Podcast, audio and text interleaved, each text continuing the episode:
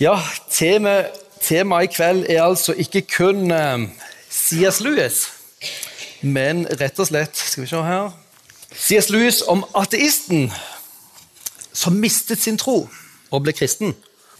Ser dere det mystiske i den overskriften? Ateisten som mistet sin tro og så ble kristen. C.S. Lewis har vært en eh, stor inspirasjon for meg. Jeg fikk den vel for så vidt inn med min familie og, og min far, som var, var lege og misjonslege. Han leste veldig bredt og leste veldig mye og var interessert i veldig mye, også teologiske ting. Og C.S. Lewis var noe som sto i bokhyllen, men jeg på en måte oppdaget ikke C.S. Lewis før jeg sjøl ble godt voksen.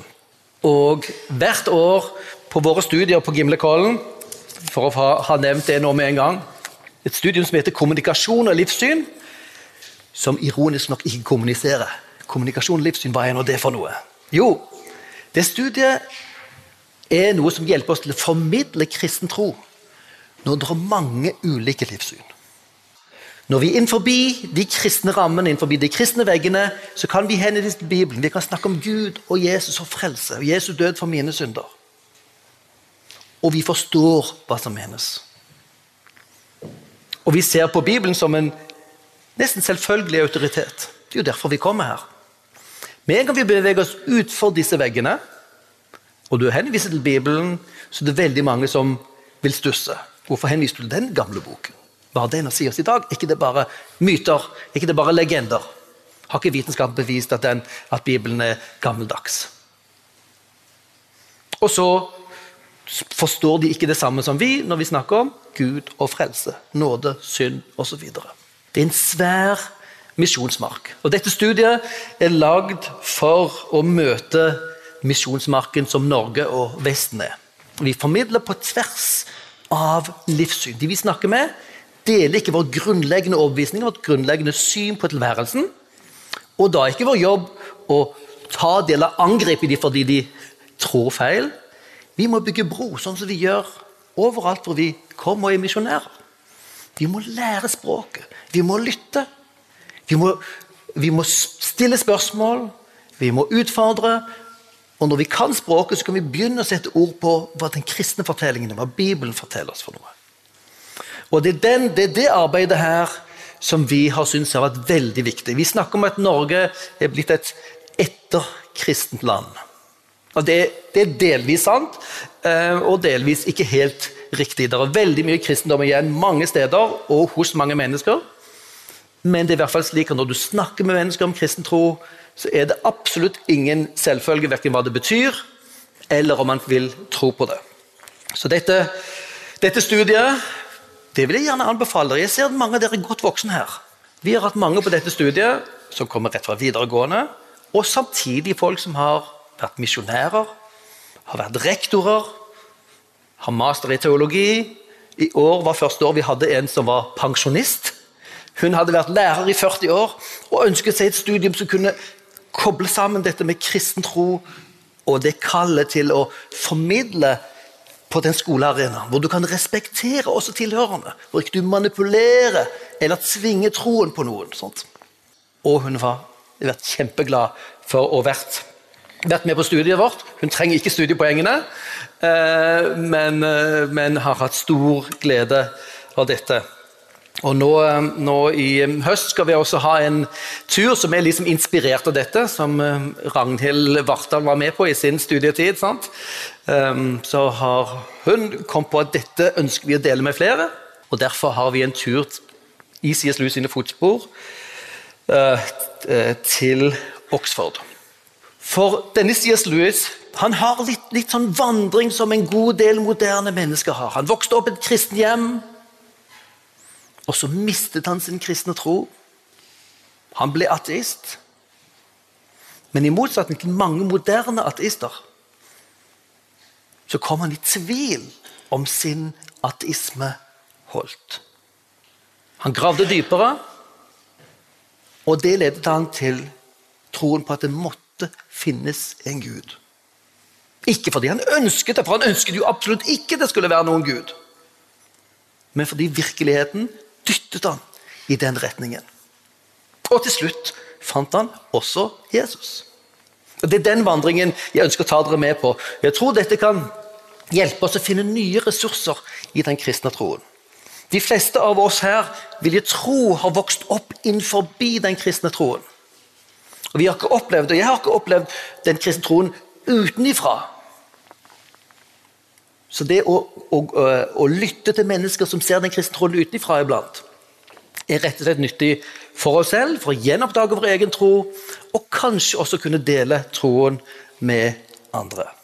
C.S. Lewis han eh, ble født i Belfast i Irland i 1898. Altså nå er det over 100 år siden, rett før århundreskiftet. Hans eh, foreldre var veldig høyt utdannede foreldre. Faren var en juryadvokat som jobbet veldig hardt. Eh, og Dermed så greide han å, å, å få godt levebrød til, til familien sin. Um, han heter Albert Lewis. Uh, moren het Flora. Uh, hun var matematiker, utdanning i matematikk, uh, men kunne jobbe arbeide hjemme.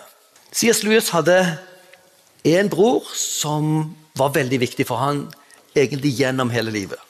Han heter Warren Lewis, var tre år eldre enn han. Um, og de var, levde tett sammen når de kunne. Her ser dere et bilde av familien. Um, C.S. Lewis er den minste av disse. Og han som står til venstre for, for Lewis, her er storebroren. Uh, Warney, som han ble, ble, kalt. Helt til høyre står farens Albert med en hund i, i armene sine. Uh, moren står, så vidt dere ser, bare helt bakerst der på, på høyre side. Disse flyttet i 1905 kunne kjøpe et hus litt lenger ute av byen som de kalte Little Lee. Og det var mange gode år som, som Louis egentlig hadde med sin familie. Det var en troende familie, og med sin, med sin bror Warnie. De var mye sammen. De var en del alene, men det gjorde ikke noe. Og han forteller jo om, om dette huset, huset som de bodde i. Det var et gammelt, trekkfullt hus, som mange hus er her i England, i, i Storbritannia og Irland. Um, murhus. Men huset var fullt av bøker. På kontoret, på stuen, i trappene, på loftet. Overalt var det bøker. Og ingen bøker som han ikke kunne lese. Og det var starten på en livslang glede han hadde av å lese og ta til seg Og tenke seg inn i andres tanker og leve inn i andres verdener. Han forteller om en viktig ting i livet sitt som han kaller joy. Som går litt på lykke, den smaken av en lykkefølelse som er der et øyeblikk, men så forsvinner. Han har hatt flere sånne møter om en eller annen stor lengsel som blir møtt og skapt som en del av fortellingen hans. En av de tingene han opplevde dette med, var, var en verden som han og, han og storebroren lagde, som de kalte Boksen. Boksen, et, et, et, land, et verden, som de konstruerte med, med, med eh, mennesker med, med dyrehoder. Og hvis dere da kjenner litt til CS Lewis og, eh, og, og Narnia-serien, så kjenner dere aha, disse dyrene som kan snakke. Fra barndommen så lekte de dette fram eh, Warren og C.S. Lewis. C.S. Lewis heter egentlig Clive Staples Lewis. Men fra han var fire år, så insisterte han på å bli kalt Jack. Hunden de hadde, hadde blitt uh, kjørt i hjel av en bil.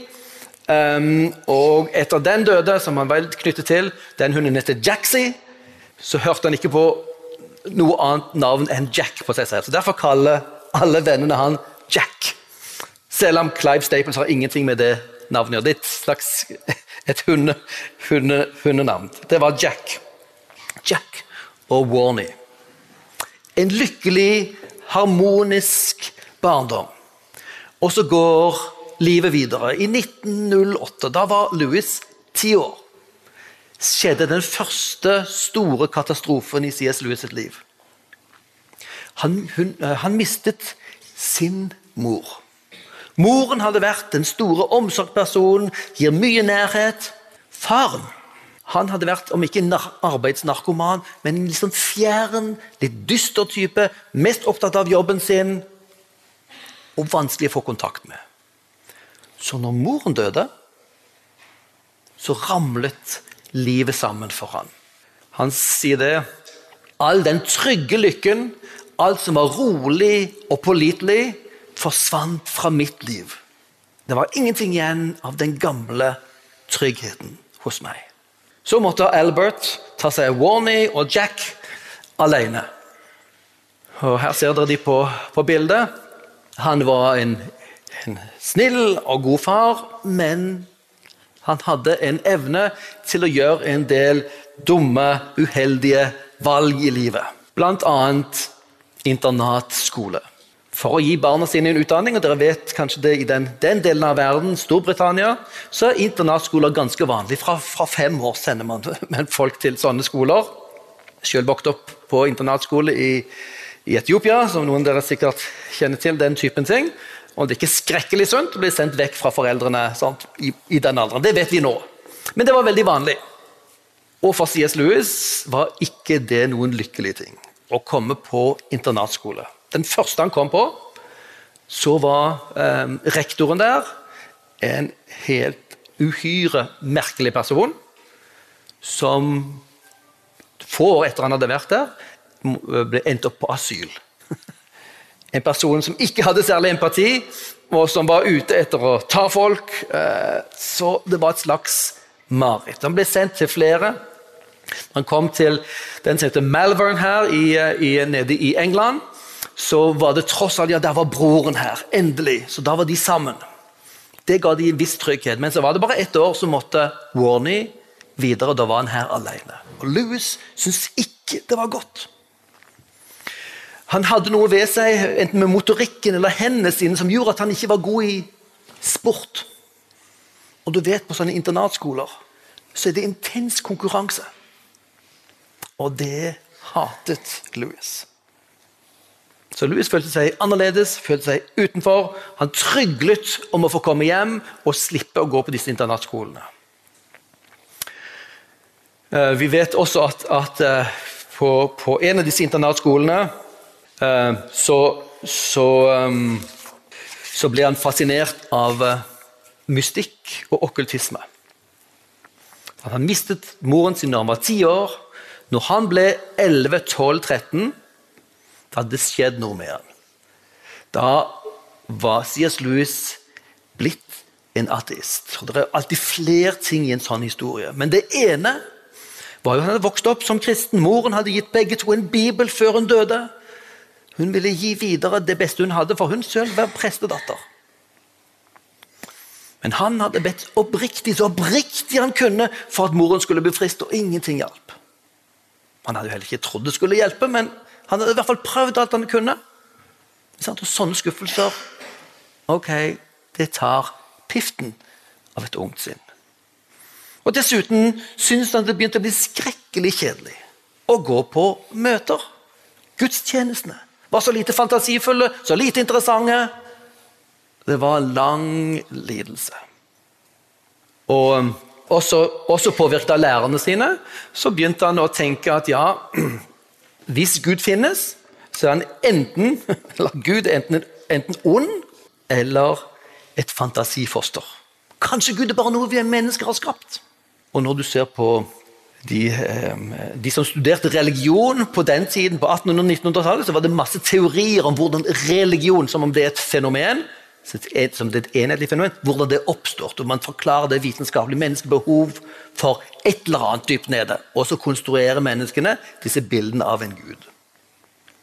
Louis følte at mm, vitenskapen forklarte religion. forklarte Gud bort. Samtidig så var Louis skrekkelig interessert i mystikk. I myter. I disse fantasilandene som han hadde vært med å bygge da han var liten gutt. Boksen, den typen universer. Han var også veldig tiltrukket av okkultismen. En av lærerne på en av disse internatskolene han var, var selv en okkultist, og som ga noen impulser til Louis. Som ikke var gode for han, men som var en del av hvem han var. Han var en ateist, men han kjente hvordan disse tingene dro han inn. Både at det er fascinerende, og det er krefter i han som, som, som, eh, som trekkes til ting som han til og med ting som han ikke nødvendigvis likte så godt.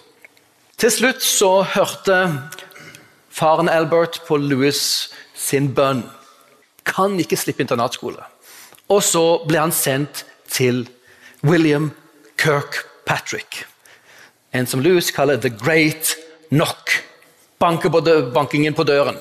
Han som stopper deg og stiller deg spørsmål så du må tenke og svare. Han hadde vært farens lærer.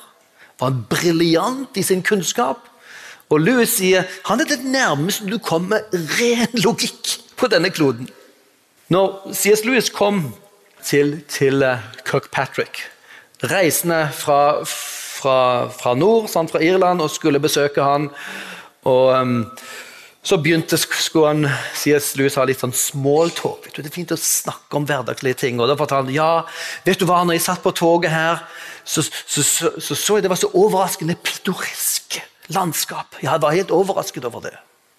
Kirkpatrick sa hvorfor sier du pittoresk? Hvilken rett har du å gjøre deg opp en formening om hvordan dette skulle ha sett, sett ut? Logisk utfordring. Han ble stoppet. Ikke driv som med tulle, tullesnakking og tulletenking. Du skal kun tenke på ting som er strengt logiske, som henger sammen, og som dermed gir mening. Og Louis sier at han er den beste læreren han har hatt. Han lærte han å tenke strengt logisk. Hvis dere har sett Narnia-filmen, som dere burde gjøre, så ser dere i, i um, 'Løven, heksa og klesskapet' så sendes de barna under krigen, den krig, det andre verdenskrig, så sendes barna ut på landet, som, som skjedde. Og i det huset hvor de er, så sitter der en gammel mann, gammel, litt sånn gretten, skummel mann, som stiller spørsmål om logikk. Det er et, et bilde av denne logikeren, som ikke nødvendigvis sier nøyaktig hva han tror på, men han tvinger folk til å tenke logisk. Strengt logisk. Og det er en av tingene som Louis har arvet, og som han deler med oss. Den evnen til å tenke klart og sammenhengende. Det forhindrer masse forvirring. Kirkpatrick og etter hvert C.S. Lewis kom til å tro senere på det som mange ateister tror på, at ja, når vi skal vite en ting, så det er kun sansene kan fortelle oss det. Det er kun det vi kan måle og veie og ta på. Det er virkelig. Ting som vi ikke kan ta, måle og veie, det kan vi ikke vite virkelig. Så når det gjelder alvor og troll, ånder og guder, det kan ikke være del av virkeligheten. Fordi det eneste virkelige er det sansene fanger opp. Det kan kalles materialisme, hvis du vil ha et teknisk ord på det, eller naturalisme. altså Naturen altså finnes, det finnes ikke noe over naturen, utenfor naturen. Når du lever inn i et sånt univers, du er bare natur. Begynn å tenke på det. Og det er jo det som er Louis sin styrke. Det er det som brakte han tilbake til Gud etter hvert. Trekke konsekvensene av hva du faktisk tenker. Hvis du kun er natur, da er du bare atomer som er tilfeldig satt sammen. Da finnes ikke noe høyere mening. Moralen, det er bare tilfeldige ting som skjer i hjernen din. Produkt av utviklingen. Ingen høyere mening. Ingen moral. Ja, Og hvorfor stole på fornuften? Hvis vår fornuft er bare produkt av denne tilfeldige utviklingen, hvorfor stole på vår tanke i det hele tatt? Det begynte C.S. Lewis å oppdage. Og så at denne store troen, denne store sikre troen på bare materien, det var et hus bygd på sand. I det øyeblikket du begynner å stille spørsmålene, så begynner huset å knake og ramle sammen. Det gjorde det etter hvert, for. Lewis, men det gikk mange år. Han levde i et univers som var mørkt og dystert. Ikke som de lykkelige, happy, moderne humanister. Jeg vet ikke om dere har sett moderne norske humanetikere. Humanetikernes tegn sant? det er det mennesket som står og rekker sine hender opp mot himmelen. Altså ikke mot en gud, sant? men strekker seg selv oppover for å nå nye mål. Det optimistiske mennesket. C.S. Lewis trodde ikke på en sånn optimisme. Hvis vi bare er materie, hva er optimisme? Det er akkurat bare som religion. Det er falske håp. Det er løgn og bedrag. Det er samme typen ateisme som dere finner hos en som heter Bertrand Russell, som var samtidig med Louis, litt eldre enn Louis, som bl.a. skrev en bok om hvorfor jeg ikke er en kristen. Eh, og hvor han tegner opp dette universet. Universet er meningsløst. Tomt. Vil ikke lyve om det. Men her er vi. Det er ikke noe annet å tro på. En trassig Sånn er det. Og en ærlig, ærlig uttrykt om det. Det er kaldt og mørkt og uten mening, dette universet vårt. Og med andre ord våre liv også. Og så var det jo det, da. Ok. Alle de tingene som betydde noe for Louis. Det var jo mytene. Legendene. Hvordan kan han holde de to tingene sammen? Og okkultismen sin. sant? De tingene som tiltrakk han, de sto i sterk kontrast med hans egentlige syn på tilværelsen. Han var forresten ekstremt opptatt av norrøne myter. Han elsket de. Når han kom til Oxford, så var han og noen venner lagde et eget, eget sånn, egen gruppe for, for, folk som vil studere norrønt. Og da måtte de lære seg islandsk og norrønt for å bli medlem. Sant? Det er jo litt av en hobby. Lære deg norrønt for å bli medlem av en klubb. Da er du nerd. Og Det var typisk, typisk Louis og hans venner etter de kom til Oxford. Bøker, bøker, bøker. Elsket det. Nye universer. Under Kirkpatrick, som var et personlig lærer for Louis, ikke klasse, men personlig lærer, så lærte Louis kjempemasse. Italiensk, tysk, fransk, latin Alt av gresk, alt av klassikerne lærte han seg å lese og analysere på en, på en skarp måte. Det er både logikken og den brede dannelsen fra antikken. Dette hadde Louis med seg. Og Kirkpatrick hjalp Louis inn på universitetet i Oxford. Ingen hoppet i stolen her nå, men Oxford er det universitetet i verden det er verdt å komme inn på. Hvis du vil ha status. Og der er det konkurranse om å komme inn. Der må du bestå eksamener for, for, å begynne i det hele tatt. Det er konkurranse. Og Kirkpatrick ga Louis en sånn en bakgrunn at Louis kunne komme inn på verdens mest prestisjetunge universitet, Oxford.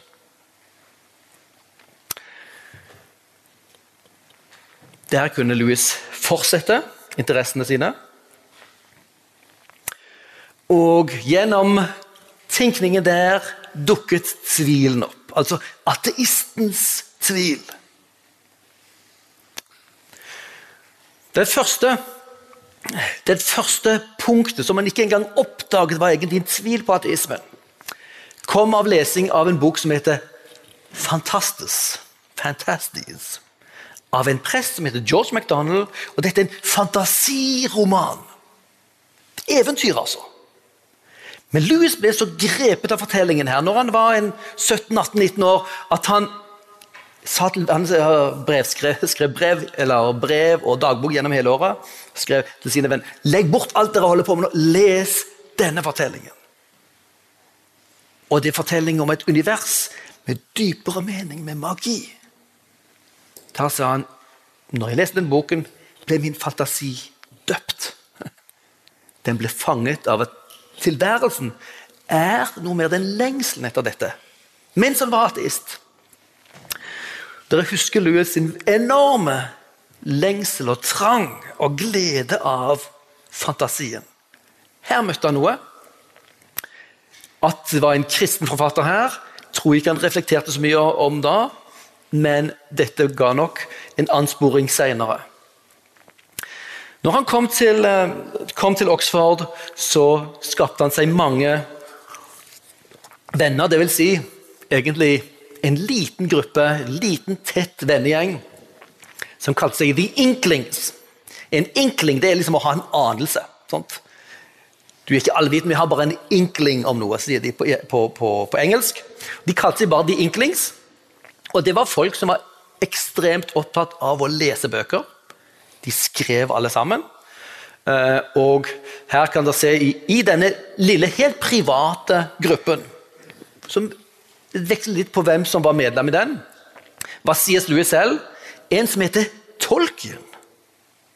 Tolkien som har skrevet 'Ringenes herre', som er jo en kjempesuksess både på film og boken.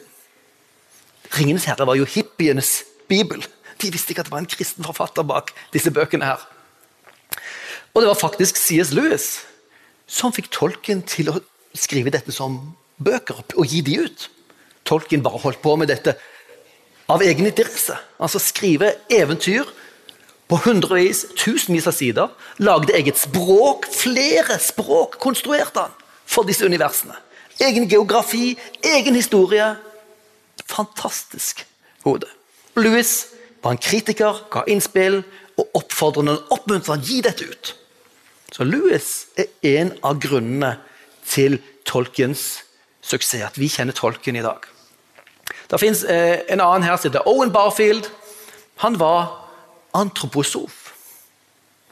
En antroposof er en person som følger Rudolf Steiner.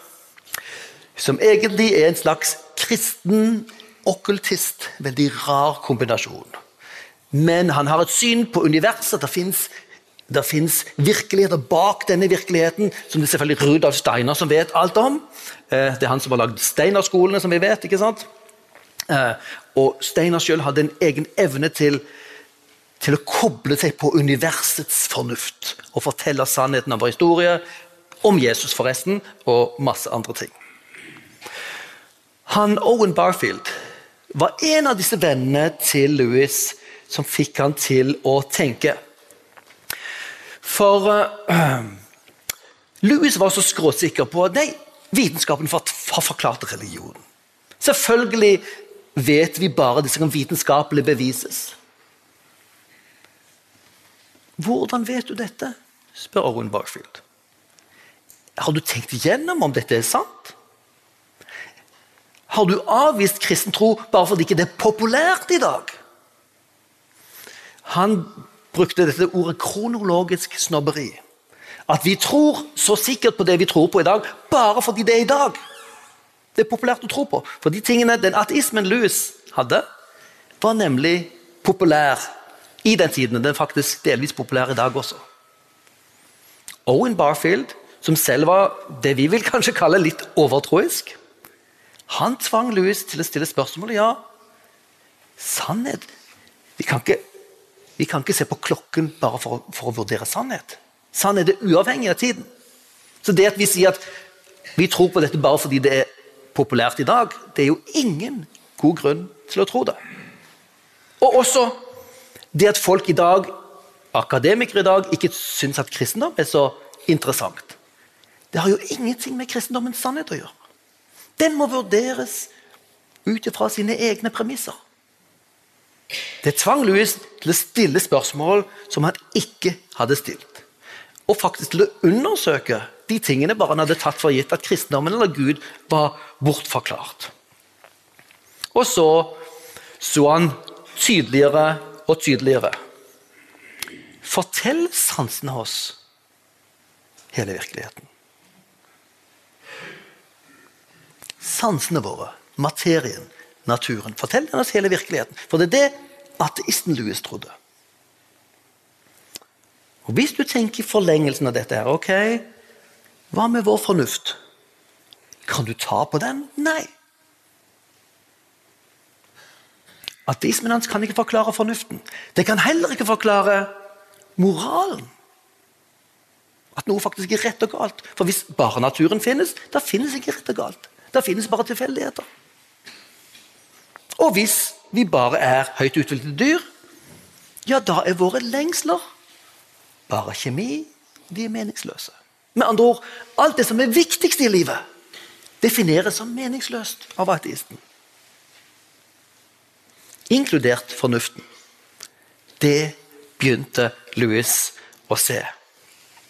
Fornuften, moralen og lengslene. Og Dette kommer til uttrykk en, i en av, en av eh, C.S. Lewis sine bøker, som heter 'Djevelen dypper pennen' på norsk. Eh, og Der er det, en omvendt andaktsbok. Så Jeg vil gjerne oppfordre deg til å lese Det er en helt genial form for å skrive andakt. Sånn um, for folk som, som, er litt immune mot andaktsformat og formen, hvor du føler det er litt for mange selvfølgeligheter, så snur han opp hele formatet. Og her er det da en sjefsdjevel ja, som instruerer en mindre djevel i hvordan du skal ødelegge denne personen som nettopp er blitt kristen. Dermed forteller Louis veldig mye om utfordringen hva det vil være å kristen, utfordringen med følelser, med fristelser osv. Og, og det kristne fellesskap osv., hvor du hører overdjevelens stemme. Sant? Og da er det det motsatte som er Bibelens og Guds stemme. Og i, eh, i eh, dette brevet så instruerer eh, fra, fra den overdjevelen, som gir råd til denne her underdjevelen, som han forakter, selvfølgelig, for det er kun forakt i det universet, så, så understreker han at for han der kristne Du må ikke få han til å tenke logisk, sier her. Det, det er sjargong, ikke argument, som er den beste måten å holde han unna kirken på. Ikke sløs vekk tiden ved å prøve å få ham til å tenke at materialismen er sannheten. Nei! Få han, han til å tenke at materialismen er sterk eller tøff eller modig. Eller at det er fremtidens filosofi. Det å bare la seg påvirke av følelser og vage ting Sørg for at en ikke tenker klart. Ikke stille spørsmålet om sannhet. For det hadde Louis selv opplevd. Når du stiller spørsmål om sannhet, så kan ateismen ramle sammen. Det var det han opplevde. Skal vi ta en pause nå? Og så skal vi se hvordan han kom til troen på Gud og Jesus etter en liten pause.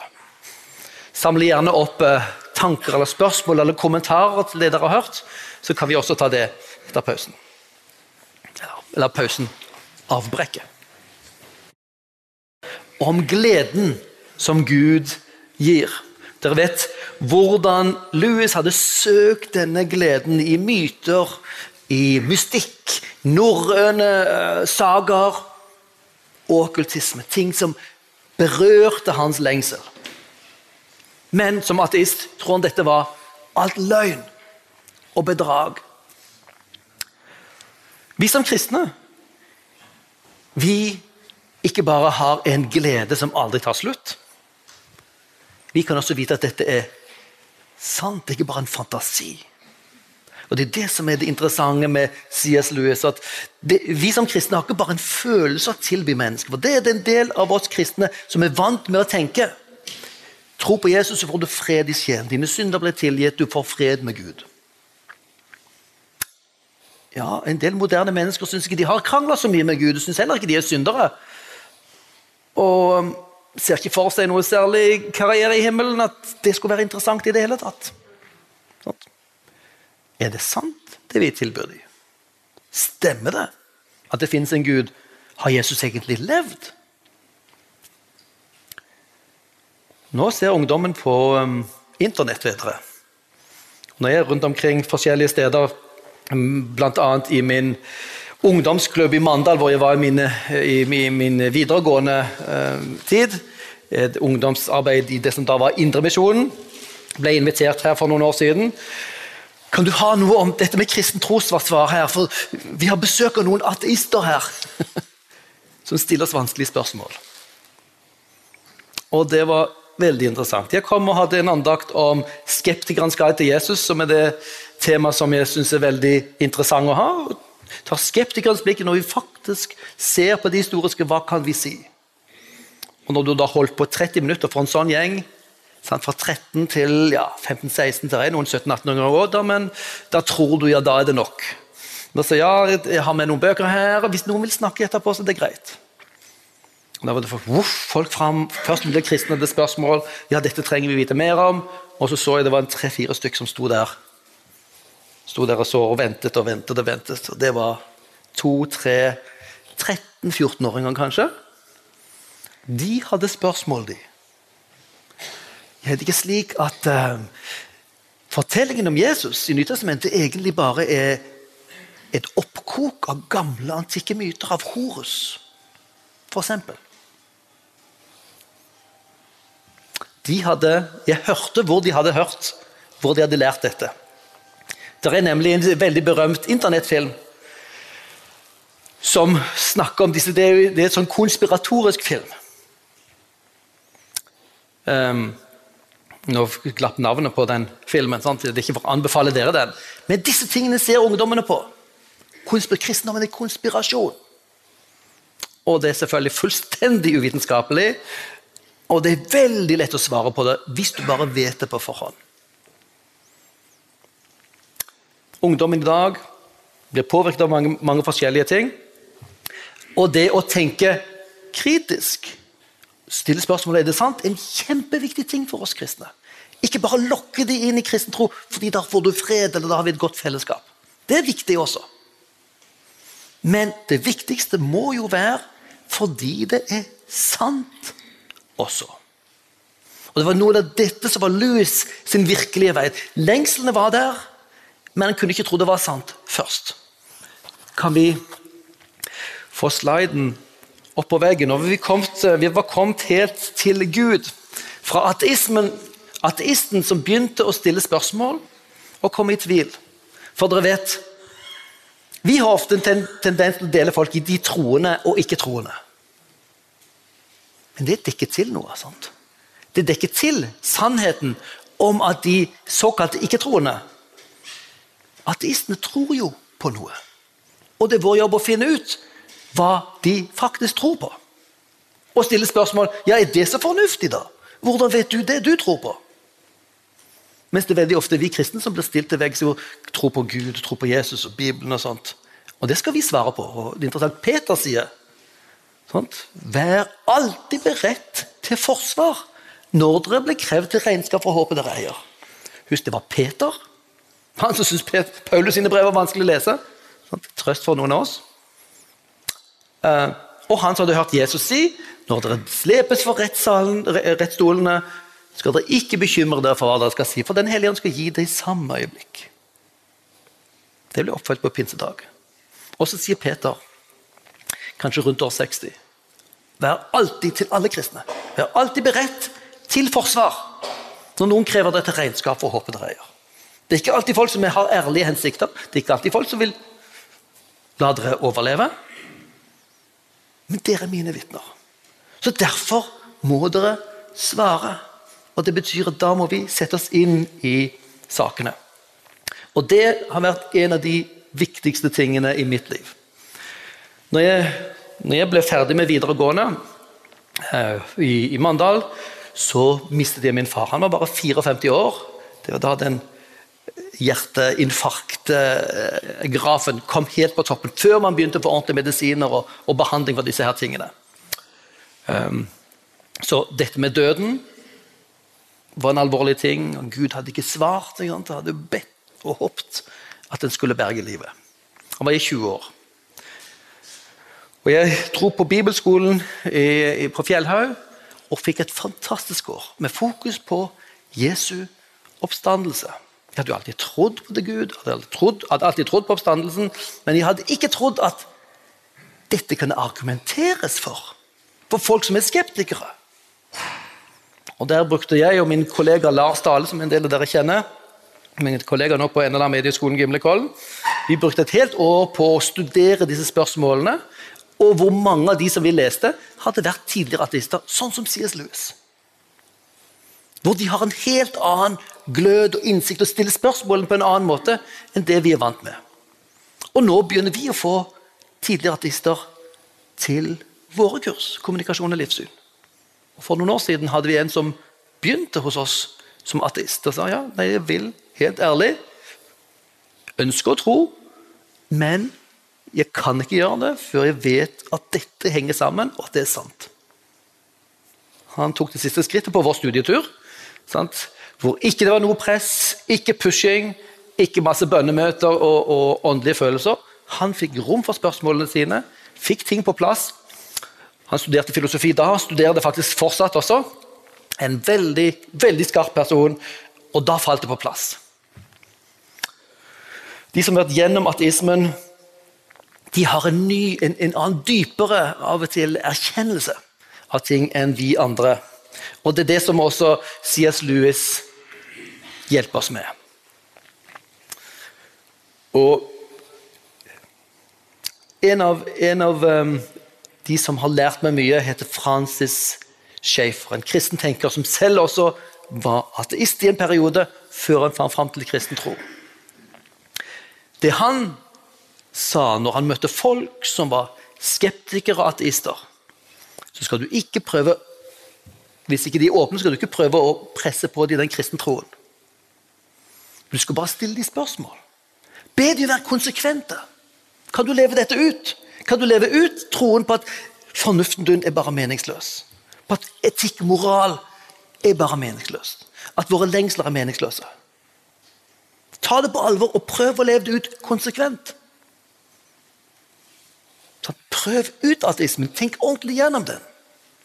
Og der er det veldig mange kristne som holdt, på å miste sin tro, som kommer dit. Og istedenfor bare å skyve inn på den kristne veien Tenk ordentlig. Ja, hva er alternativet? Hva om ikke Gud finnes?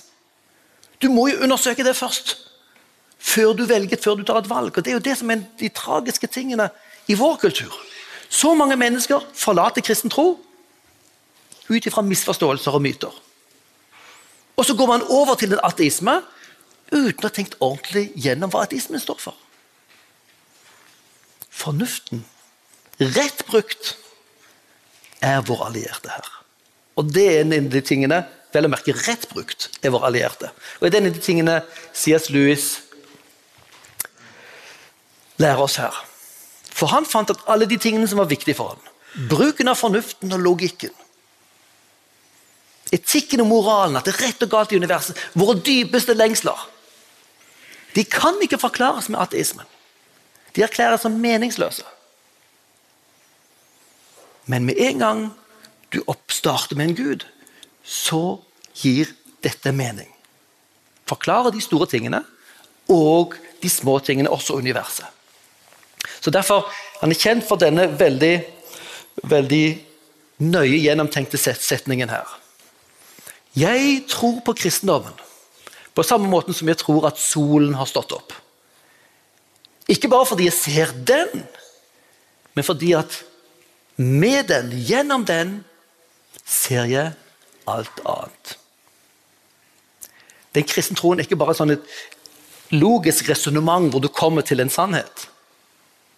Den kristne troen er å åpne en ny dør hvor du ser hele tilværelsen i et nytt lys. Det er ikke bare det at Gud finnes, men det at Gud finnes, det forandrer alt ved livet. Han har skapt deg.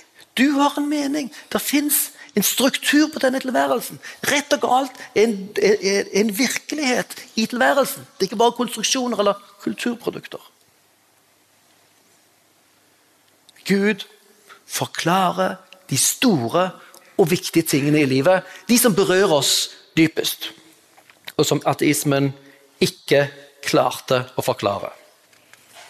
Og så Gjennom en prosess hvor C.S. Louis stadig forsøkte å skyve vekk disse tankene. Han så, han ble presset nærmere. Denne virkelig må være noe. Men han hadde også en vanskelig oppvekst med tap av sin mor. Sant? Vanskelig på internatskole. Han hadde vært i krig i første verdenskrig, ble skadet. Hadde en far som ikke, ikke kom og møtte han når han var syk, som han var på avstand. Han hadde mye smerte, så han hadde en slags kontrakt med virkeligheten, som han formulerer det selv. At vi kan ikke tåle for mye virkelighet. Så hadde en, Han hadde en kontrakt med virkeligheten at så langt, og så skulle ikke virkeligheten komme nærmere. Det som han opplevde, var denne virkeligheten som han hadde fryktet, ikke var passiv, ikke bare var der, men det var noe som kom etter han. Så, så han måtte holde seg veldig travel med å lese, lese, tenke, besøke folk, snakke, snakke. Hver gang det var et opphold, så begynte han å kjenne at denne virkeligheten, som han hadde hatt en kontrakt med at han ikke skulle trenge å forholde seg til, den nærmet seg. Den forfulgte ham. Og så forteller han her på, på Maudlin College, når han var uh, um, nesten 30 år, så ga han etter. Og han satt inne på rommet sitt som, som uh, et fellow, som en lærer på det som de kaller Maudlin College um, i Oxford. Og så sier han, når han forteller om sin omvendelse, ikke til kristen tro enda, men til Gud, så forteller han det slik. ja, Du må se, se deg for meg alene, inne på rommet mitt i Maudlin. Natt etter natt. Hvor jeg følte når, når sinnet mitt løftet seg til og med bare for et sekund fra mitt arbeid, så kjente jeg den stadige, uimotståelige tilnærmingen av Han som er så oppriktig ønsket ikke å møte. Han ønsket ikke å møte Gud. Men så Det som jeg hadde fryktet sånn, kom til slutt over meg. I den siste Trinity-terminen i 1929 så ga jeg etter og innrømmet at Gud var Gud. Jeg bøyde kne og ba. Den kvelden var jeg kanskje den aller mest nedtrykte eh, omvendte i hele England. Ikke en lykkelig omvendt, men en som måtte gi etter for virkeligheten. ikke det er interessant? Interessant omvendelse. Og Så kommenterer han også dette her seinere. senere. Han sier da jeg så ikke på den tiden da hva som er det mest opplagte i denne hendelsen. Den guddommelige ydmykhet som kan ta imot en omvendt på slike vilkår. Den bortkomne sønn han gikk jo til hjem igjen, i hvert fall på sine egne bein. Men hvem kan beundre den kjærligheten som åpen, åpner portene sine på vid gap for en bortkommen sønn som slepes sparkende, kjempende eh, redd og sint og stadig ser etter fluktruter. Det var Louis sin opplevelse. Ønsket ikke, men virkeligheten presset seg på. Og dette var ikke bare en emosjonell ting, husker dere sier Louis. Dette var virkeligheten, og inklusive den logikken han hadde lært å følge kjempenøye. Han ga etter for for virkeligheten. Men vi er jo vant med en omvendelse til Jesus. Men han hadde problemer med Jesus. Han hadde problemer med kristendom. Dette var egentlig en omvendelse til det vi kan kalle en teisme eller deisme, altså tro på at det finnes en Gud bak universet. Det finnes en Gud. Men han hadde problemer med dette med Jesus fordi at han elsket myter og legender. Men han likte ikke fortellingene fra Nytestamentet. De virket så primitive. Og, sant? Men han elsket fortellinger fra den gamle antikken om guder som ble mennesker, og som dør og står opp igjen. Og Jesus han befant seg i den ene kulturen i Det nære Østen hvor myter var forbudt. Sånn, Bibelen er full av historiefortelling. Vi driver ikke med myter og eventyr her. Den ene religionen som på en måte forbyr mytene, der var Jesus. Og han elsket disse fortellingene. Han oppdaget jo at mm, det var jo litt rart at han syntes bibelfortellingene var så negative og så kjedelige. Når de også fortalte om en Gud som ble menneske, døde, sto opp igjen. Når han hadde som mystiker blitt så fascinert av det i de andre skriftene. Sant? Han begynte å oppdage sine egne fordommer.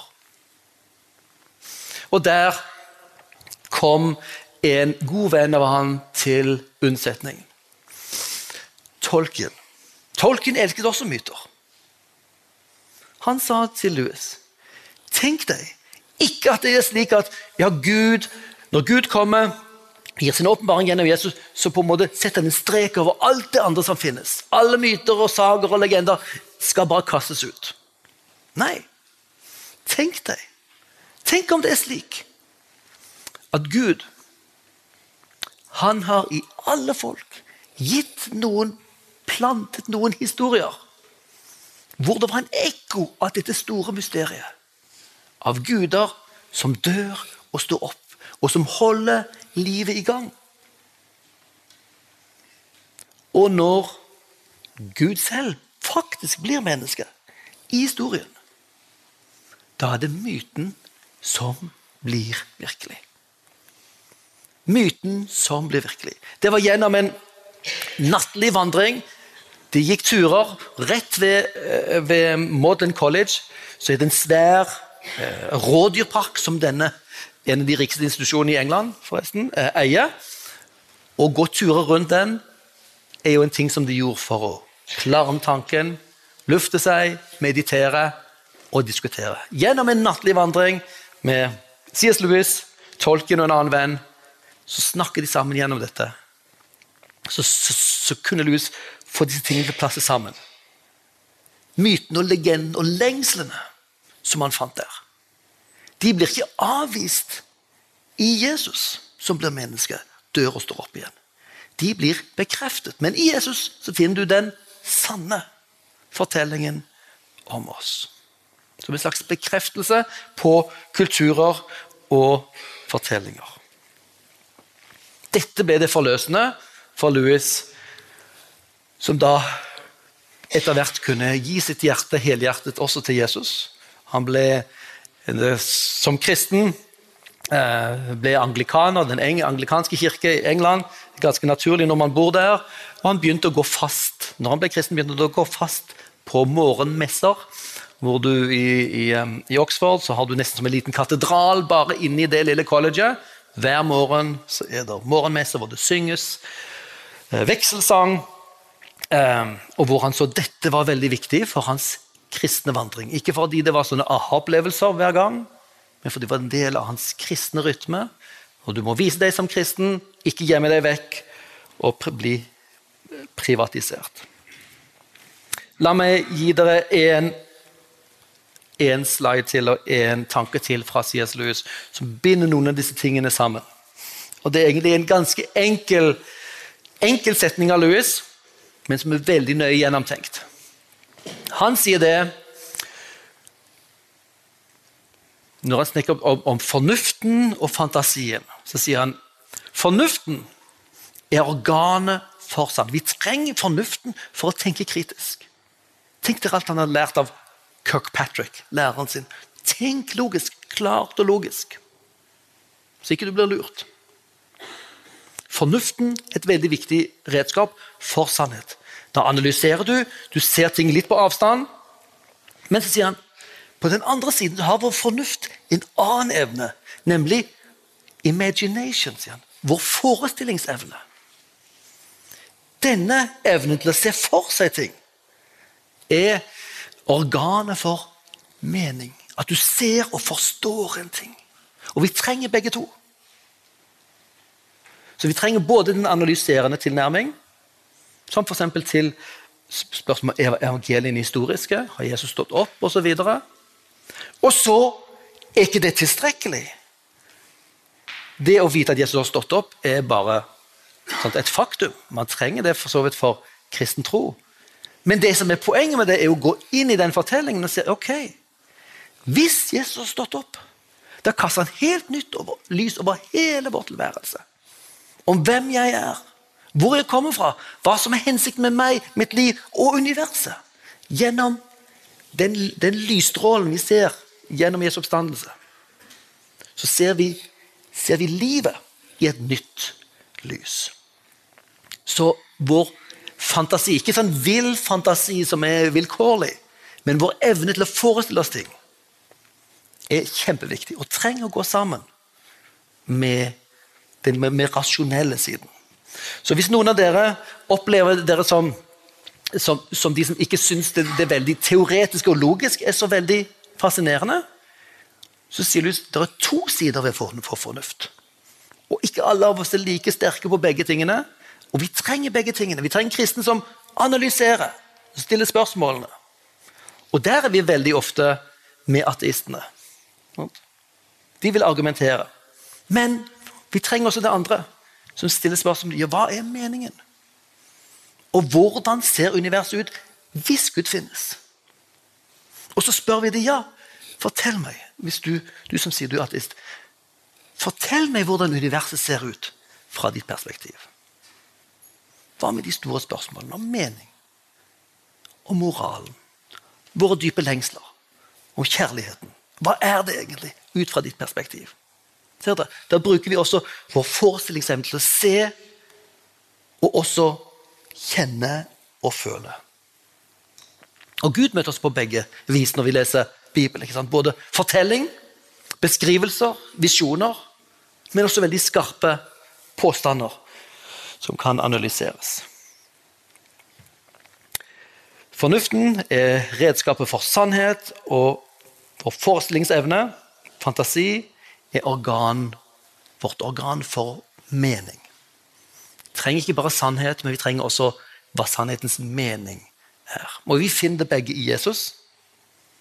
Han er sannheten. Han kom inn i historien, han har etterlatt historiske spor. Du kan analysere det.